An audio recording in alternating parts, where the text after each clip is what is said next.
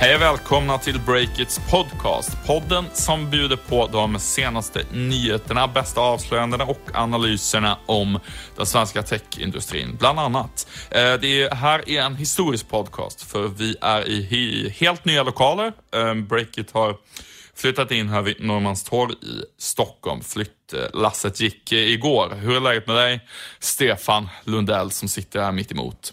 Ja, det är fortfarande lite ovant här i lokalerna. De är, men de är väldigt eh, fina och trevliga med utsikt över Norrmalmstorg, den klassiska monopoladressen. Så det, det känns helt bra. Helt okej. Okay. Du, du, du stortrivs?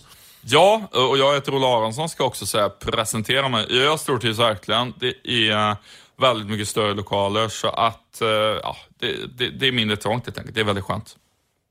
Du, vad ska vi prata om i den här podden?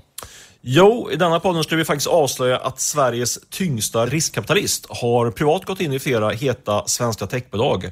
Eh, vi skärskådar också Klarnas växande kreditförluster. Hur illa är det egentligen, ställer vi oss den frågan lite provokativt. Och slutligen försöker vi reda ut konsekvenserna av EUs skatterazzia mot Apple, bland mycket annat. Först ska vi köra fem snabba vad som har hänt i veckan som gått. Ja men härligt. Fire away, börja du.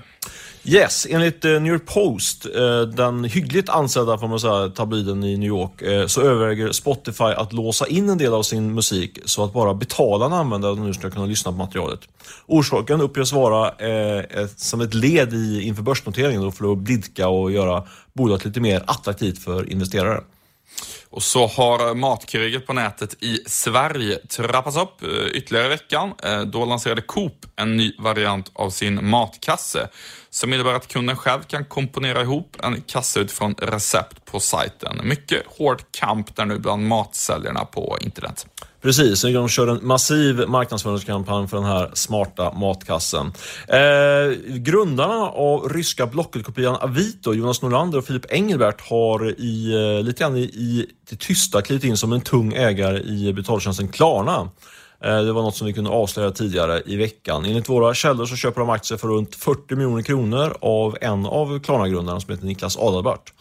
Eh, Adalbert bekräftar att han sålt aktier. Han har sålt aktier för, över, för runt 100 miljoner kronor. Men han är noga med att säga att han säger inte till vem han har sålt aktierna. Men det har vi grävt fram. Eh, och en annan sak som vi kunde rapportera om i veckan, det var att eh, vårdjätten Aleris, de laddar för en större satsning på digital vård. Eh, just nu så kör de ett pilotprojekt där patienter får träffa läkarna via video. Och ni som följer Breakit sajt, ni vet ju att det finns Eh, startup som ägnar sig åt eh, det här väldigt specifikt, eh, som Kry och Min Doktor eh, framförallt, men även till exempel Visiba in i det segmentet. Eh, och nu får de lite tuffare konkurrens när Aleris uppger att de kommer, citat, satsa väsentliga summor på sin digitala inbrytning. Och de eh, omsätter ju eh, miljardbelopp Aleris, så att de har pengar att spendera. Verkligen. Eh, slutligen ett kul tecken i tiden. Tidningen Frida gör en stor redaktionell satsning på tech. Eh, målet är att få fler unga tjejer att upptäcka möjligheterna inom den digitala industrin. Och det tycker vi är ett kul initiativ vi på Breakit som vi följer med spänning. Den här veckan har vi en ny sponsor i form av Head Agent. Eh, Head Agent det är ett eh, företag som grundades 2010 av två kvinnliga entreprenörer och de hade en tydlig idé om att utmana och lyfta headhunting-branschen. Spännande. Och sen de grundades för sex år sedan har de faktiskt haft en väldigt kraftig organisk tillväxt. Så pass bra att de utsågs till Gasellföretag 2015 och idag är de 35 anställda. Mm, snabbt eh, jobbat eh, och eftersom Head Agent själva är ett snabbväxande tillväxtbolag så har de förstås god förståelse vad som krävs eh, för vad som krävs när man ska hitta rätt medarbetare till företag som är i tillväxt. Eh, så om du letar efter vass och affärsdriven kompetens till din styrelse eller ditt bolag så råder vi dig att gå in på headagent.se. Eh, gör det och tack så mycket Head Agent för att ni sponsrar Breakis podcast. Olle, du har ju nosat upp en riktigt spännande nyhet om en person som jag själv faktiskt har skrivit oproportionerligt mycket artiklar om i min, mina dagar. Conny Jonsson eh, handlar nyheten om. Absolut, eh, men innan jag kommer med mitt lilla avslöjande, eller vad man ska eh, kalla det för, så kan väl du ge en kort bakgrund till vem Conny Jonsson är? Han är ju kanske inte riktigt den break-it-person som vi skriver så mycket om. Nej, men en väldigt tung eh, person i det svenska näringslivet, egentligen i det europeiska näringslivet också. Han drog igång eh, riskkapitalfonden EQT eh, med uppbackning från, från familjen Wallenberg och Investor. Och han var väldigt tidigt ute inom det här riskkapitalsegmentet som innebär att man köper lite mer mogna bolag och få fart på dem ytterligare, kanske slår ihop dem med något annat och sen säljer vidare. Det är ju de personerna som har hållit på med det under början av 2000-talet ska jag säga, som har tjänat mest pengar utav, utav alla här, på, här i, i Sverige i alla fall. Eh, och han är idag då en av Europas tyngsta riskkapitalister eh, och eh, som sådan då en eh, tung makthavare eftersom de, de äger ju väldigt mycket bolag, de här EQT. En internationell eh, finansstjärna tror jag att du beskrev honom som i en intervju i P1 för några år sedan. Det gjorde jag kanske, det gjorde jag kanske. Men nu har, nu har han även gått in och investerat i tech, har du grävt fram. Du kan väl berätta lite grann? Ja, exakt. Och vi kan väl tillägga här då att det EQT som stor-EQT, som Conny Jonsson har grundat, det är ju de som, som du sa, investerar i mogna bolag. Nu har de ju kört igång EQT Ventures också som en liten mindre sidoverksamhet kan man säga, även om den är stor för att vara tech. Eh, och den jobbar ju inte eh, Conny Jonsson kanske så specifikt med. Eh, i, I vart fall så är det så att han har eh, i det tysta byggt upp en portfölj av svenska tech-startups. Eh, det är nämligen så att eh, Conny Jonsson, han är en av delägarna till riskkapitalbolaget Alven och Didriksson. Eh, och det har ju skrivits lite om Alven och Didriksson här nu senaste året på breaket. De har investerat i startups som PE Accounting som sysslar med digital bokföring på ett smidigare och nytt sätt och poddplattformen Acast som även till exempel Bonnier har investerat i. Eh, och sen tidigare är de också delägare i Trustly som ju är ett väldigt framgångsrikt eh, betalföretag. Och eh, alla de där techbolagen, det har ju varit känt att Alveno Didriksson är inne i dem, men att Conny Jonsson är en av ägarna bakom Alveno Didriksson, det har inte skrivits i det. Men det är han. Han är både investerare och äger själva bolaget. Och, uh, så indirekt är han nu också ägare av Trustly, PA Accounting och Acast då kan man säga? Exakt, och det påminner ju lite grann om så som andra sådana här eh, tunga svenska riskkapitalister, till exempel Harald Mix har gjort, att man eh, är kanske formellt så att säga passiv investerare i de där, men det är ändå så att säga till stor del från Conny som pengarna kommer eh, med de här investeringarna i Trustly och så vidare. Jag ska säga också att uh, det har jag för inte fått bekräftat än, men av allt att döma utifrån mina tips och LinkedIn så jobbar faktiskt Conny Jonssons son på, på Trustly. Mm -hmm. Så att, uh, det, om inte annat så bryr han sig på grund av det om hur det går för bolaget utöver att han har pengar instoppade där så att säga.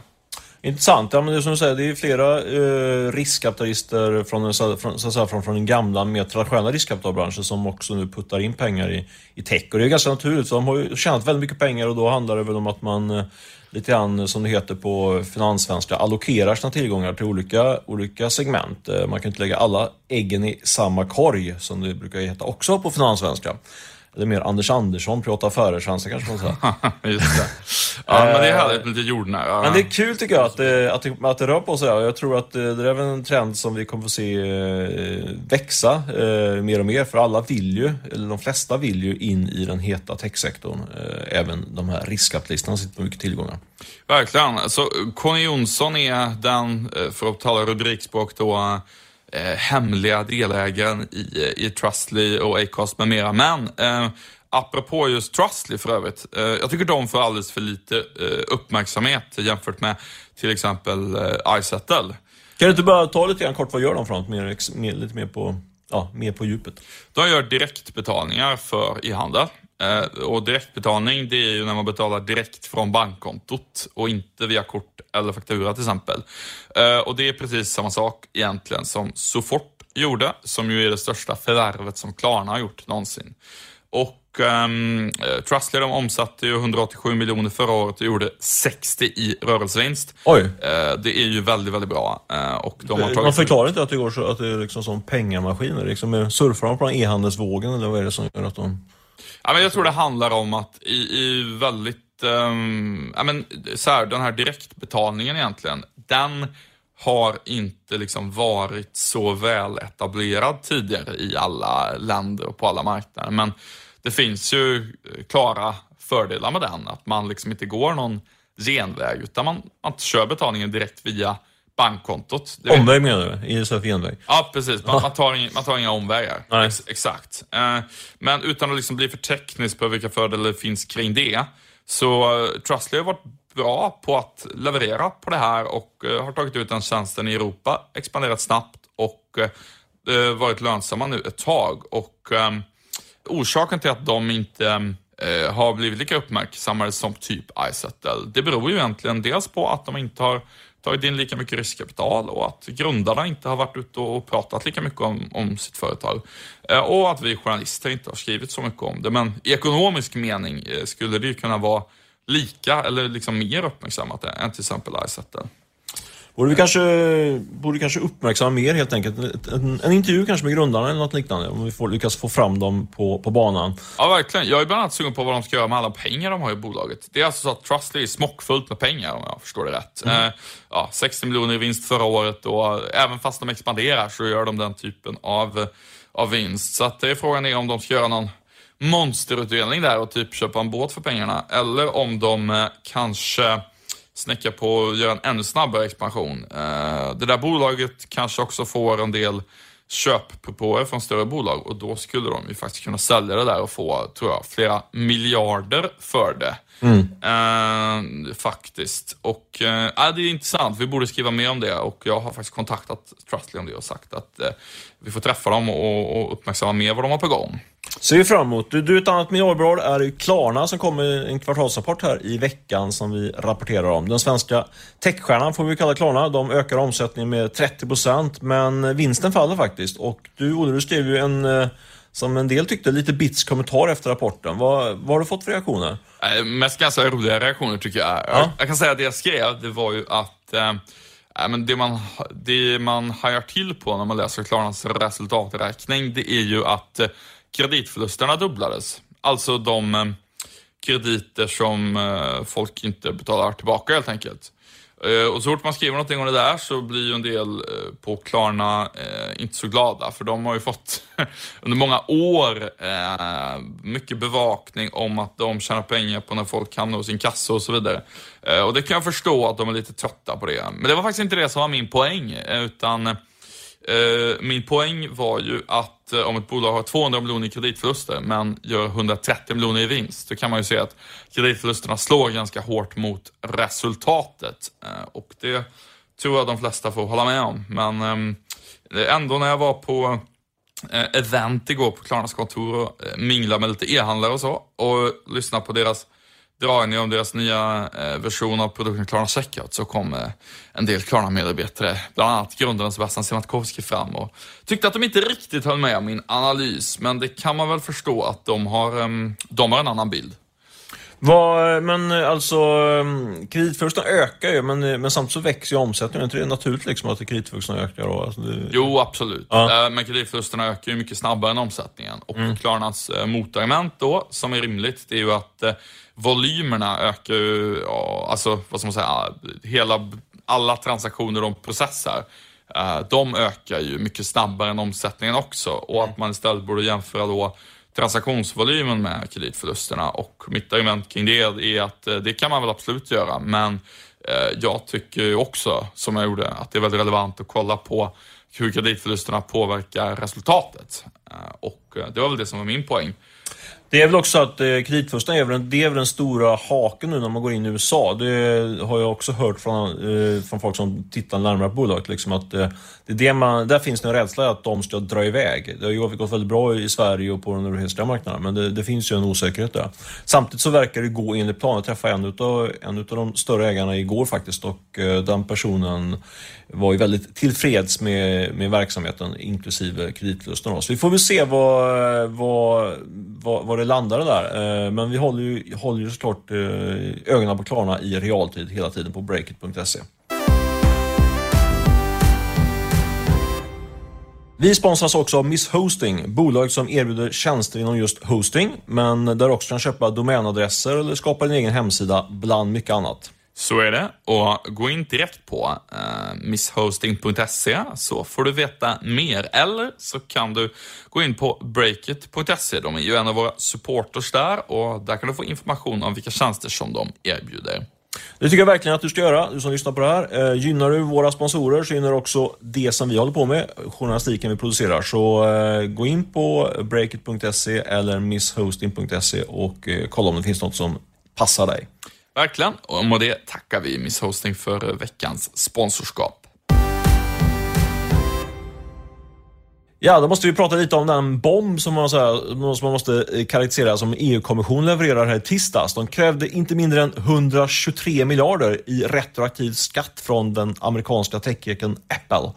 Eh, chefen på Apple, Tim Cook, eh, var ju inte riktigt eh, nöjd med det här beskedet och han gick ut i motattack och tonade ner det här att eh, bolag skulle använda då Irland som någon form av skatteparadis. Eh, han framförde bland annat att de har 6000 anställda på Irland och eh, har fungerat någonting som, något, lite grann som en räddad ängel för den här staden de framförallt eh, huserar i. Ja, just det. De huserar i Dublin och den staden drabbades väldigt hårt av um av... Uh... Ja, men en mindre stad också förutom... Ja, just det. Ja. Exakt. Coke, uh, jag minns faktiskt inte vad den staden heter. Cork eller Coke, något liknande. Ja, precis. Cork är en stor stad på, på Irland. Um, men det det handlar om där är väl egentligen att uh, Irland drabbades väldigt hårt av en fastighets och bankkris och då menar Apple att Eh, de kom in där och eh, kunde styra upp det genom att erbjuda mer eh, arbetstillfällen. Men de gjorde det inte gratis kan man säga. De har ju fått en väldigt bra skattedeal från de irländska myndigheterna och ett enskilt år har de betalt så lite skatt som 0,005 procent. Så det är klart att det är ju en, en, en issue för EU-kommissionen här. De har ju någon form av case. Men det är alltid svårt att få, få folk och, eller få bolag att och krypa till korset så att säga, och betala in högre skatt. Vad, vad tror du, liksom, eh, vad, vad, kommer det att sluta? Liksom? Vem, vad, vem, vem vinner? Jag tycker ju att det är alltid jättesvårt att bedöma skattejuridik. Eh, eh man har ju läst otroligt många artiklar eh, där man först har trott att nej, men det här är ju alldeles klockrent. Det här företaget, eller den här personen kommer tvingas betala tillbaka skatt.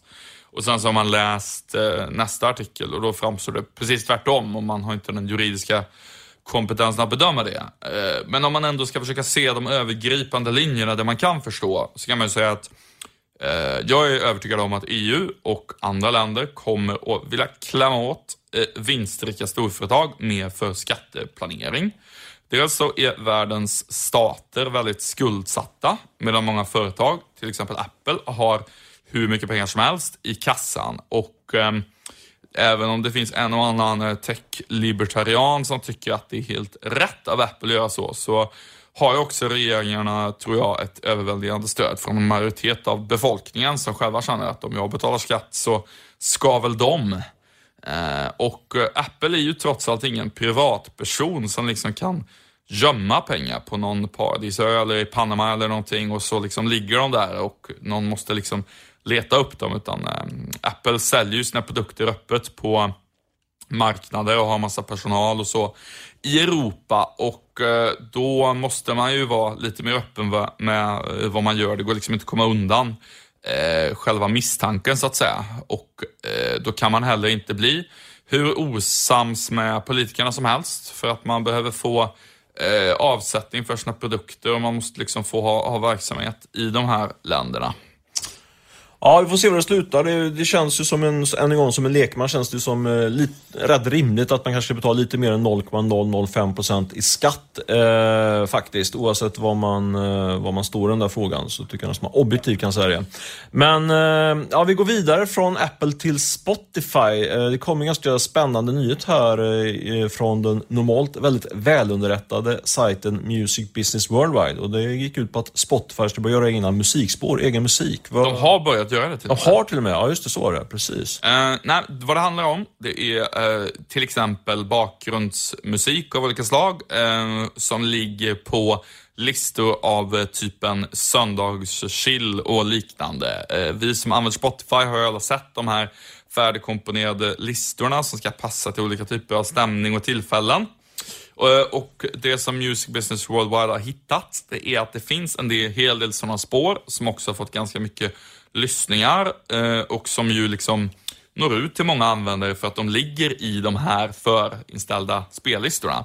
Och de här spåren då som det handlar om, de är liksom beställda av Spotify och de som har skrivit dem och spelat in har fått en engångskostnad för dem. Eh, och sen efter det så, så får man liksom ingen rättighetsersättning efter det. Eh, så då är det liksom Spotifys spår helt enkelt som ligger där. Och då kan man tycka, det spelar ingen roll att Spotify gör så, eh, men eh, faktum är att det här är potentiellt väldigt kontroversiellt eftersom ehm, det är ju en hel del eh, artister som lever på intäkter från spelningar från sådana här listor. Och i det här fallet så kan man ju tänka sig att en del av de artisterna blir rätt sura när de inser att en del av spelningarna, för man får ju betalt en del per spelning och så, eh, tillfaller i praktiken Spotify eh, tillbaka, eh, om jag har förstått det rätt. Och det är ju då, så att säga, vad ska man säga, om låt fem på den här spellistan hade varit från någon random artist istället för Spotifys egen, då, då hade det ju de facto varit så att när det går över till låt 5 i listan hade det ju gått spelningar och därmed indirekt royalties till vissa eh, externa musikskapare. Och det är det som är det kontroversiella här i frågan. Eh, och också att, och det vet jag inte om det stämmer, men enligt Music Business Worldwide är det här något som Spotify har gjort lite i smyg så att säga. Det, det vågar inte jag uttala mig om, liksom, om det är så, men ah, det där är ju en potentiell um, uh, ytterligare en sån här grej som liksom kan göra att um, rättighetsinnehavarna blir sura på Spotify. Som de nu håller på och förhandlar med de stora skivbolagen om nya avtal, har vi ju rapporterat om. De är inte mål där heller riktigt, så det kan ju bli liksom en liten bricka i det här spelet kanske, eller vad tror du? Ja men exakt. Det är ju det man funderar på nu, att det, det är ju som i alla förhandlingar så handlar det liksom inte bara om de ekonomiska realiteterna, utan också om att man känner att man lita på varann och att det liksom är hyfsad stämning i förhandlingsrummet och sådär. Och det där kan såklart röra till det. Eh, och det är ju så att det är väldigt kom kommersiellt viktigt för Spotify att innan börsnoteringen, gärna ganska långt innan den, eh, sätta de där långsiktiga avtalen med skivbolagen. Men än så länge har de inga långsiktiga eh, avtal och eh, enligt uppgifter till bland annat Bloomberg så är ju Daniel Ek eh, ständigt igång och förhandlar med de där eh, stora företagen om hur mycket ersättning eh, det ska bli. Eh, det ska bli väldigt intressant att se det. Jag tror att eh, ur ett aktieägarperspektiv för Spotify så när de väl kommer i mål med de där förhandlingarna så uh, då, då kan man andas ut lite mer och koncentrera sig på annat. Ja. ja, det är mycket, mycket surr som vanligt kring Spotify eh, och vi kommer att ta upp dem med stor sannolikhet även nästa podd. Men den här podden har det blivit dags att runda av. Eh, vi ska säga som vanligt att Beppo ljudproduktion har spelat in via länk och hjälper oss också med klippning av podden. I övrigt något att tillägga, Olle? Nej, det har jag inte. Jag, eller jo, eh, det jag vill säga generellt som jag tänker på mycket nu i dagarna, det är att jag är väldigt stolt och glad över att vi har haft så otroligt många bra eh, egna nyheter på Breakit de senaste veckorna. Det är bara att ta hatten av för våra reportrar som eh, sitter och, eh, och producerar i eh, av utmärkt kvalitet hela tiden. Jag tycker det känns jättebra. Verkligen. Och producerar detta nu medan vi sitter i vår poddstudio. Men som sagt, vi, eh, vi avslutar nu och, eh, och hörs igen om en vecka. Och så får ni in på breakit.se ett antal gånger per dag så att ni är uppdaterade. Ha det så bra! Hej då!